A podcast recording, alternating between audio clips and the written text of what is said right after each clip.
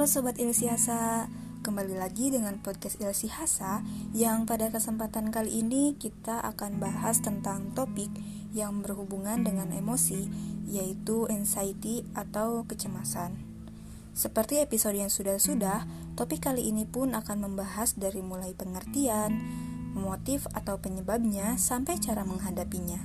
Barangkali teman-teman sudah sering mendengar atau bahkan sering dan sedang mengalami anxiety Semoga podcast kali ini bisa memberikan wawasan baru atau bahkan meredakan anxiety teman-teman. Kita mulai dari garis besar anxiety yang sering disebut sebagai kecemasan atau khawatir berlebihan.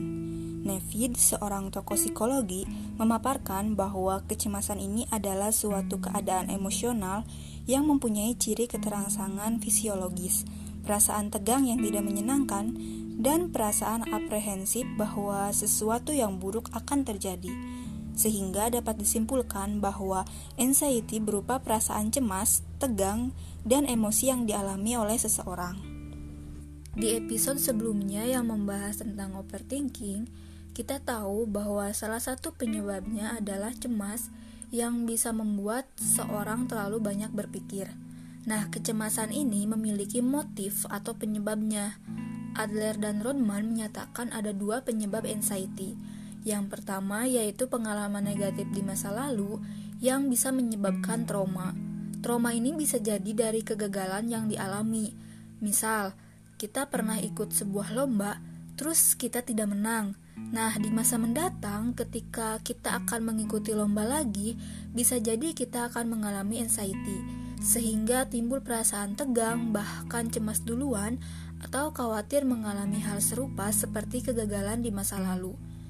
Nah, ketika perasaan-perasaan ini muncul, pada akhirnya kemungkinan besar kita memutuskan menyerah sebelum mencoba. Padahal kita tidak pernah tahu apa yang akan terjadi dan belum tentu kita mengalami kegagalan serupa. Penyebab yang kedua yaitu pikiran yang tidak rasional. Nah, pikiran ini bisa disebabkan oleh beberapa hal yang di antara lain kegagalan katastrofik, kesempurnaan, persetujuan, dan generalisasi yang tidak tepat. Nah, kita bahas yang pertama nih. Kegagalan katastrofik yaitu adanya asumsi dari diri kita bahwa akan terjadi sesuatu yang buruk menimpa diri kita. Lalu yang kedua nih, kesempurnaan, yaitu keadaan di mana kita khawatir jika diri kita atau apa yang kita kerjakan tidak sempurna. Yang ketiga, persetujuan, yang di mana adalah keyakinan bahwa kita hidup berdasarkan validasi dari orang lain. Jadi setiap apa yang kita kerjakan dan apa yang kita lakukan harus ada validasi dari orang lain.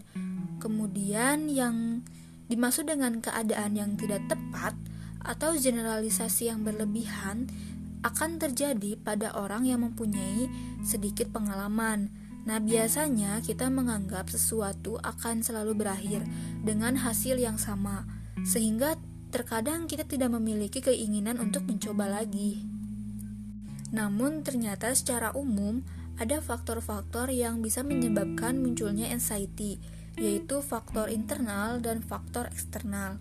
Nah, faktor internal ini meliputi tingkat religiusitas yang rendah, rasa pesimis, lalu takut gagal, pengalaman negatif masa lalu, dan bahkan pikiran yang tidak rasional.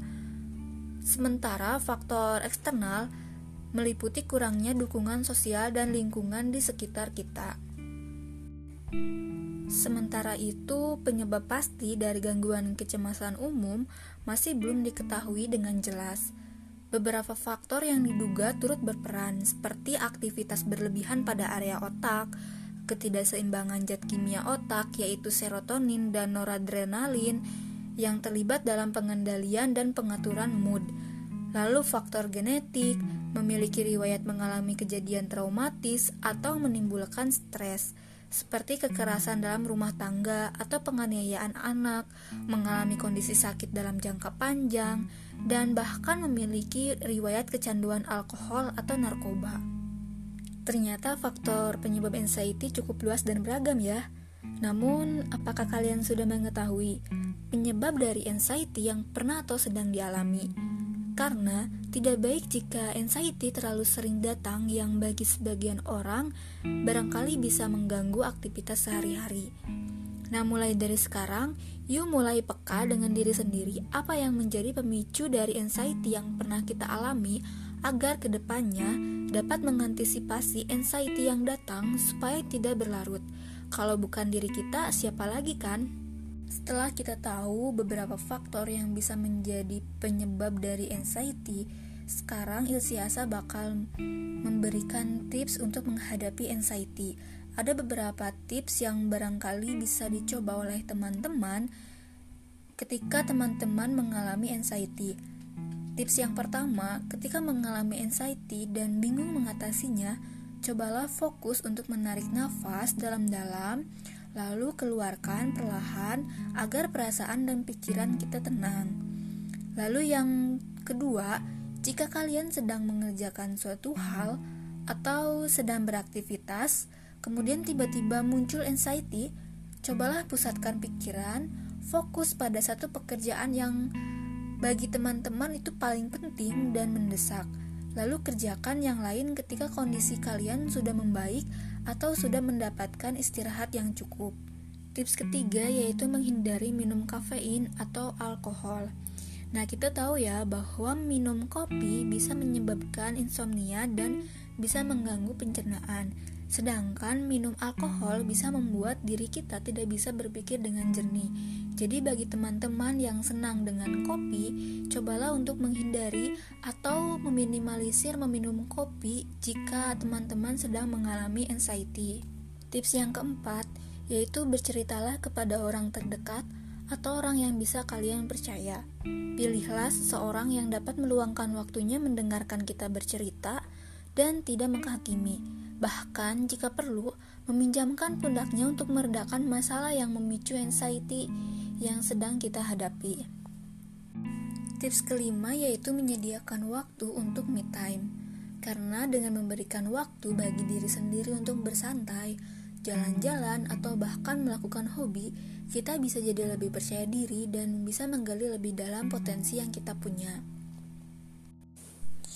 Tips yang keenam yaitu jangan terlalu menghiraukan omongan orang lain dan cobalah untuk mengurangi bermain sosial media. Memang menerima kritik dan saran perlu untuk pengembangan diri, tapi kita juga harus bisa memilih mana kritik yang bersifat membangun dan mana kritik yang merupakan penghinaan. Sedangkan mengurangi sosial media juga penting agar kita bisa fokus melakukan kegiatan di dunia nyata dan kita tidak akan terlalu fokus pada kehidupan orang lain yang kadang terlihat sempurna di dunia maya.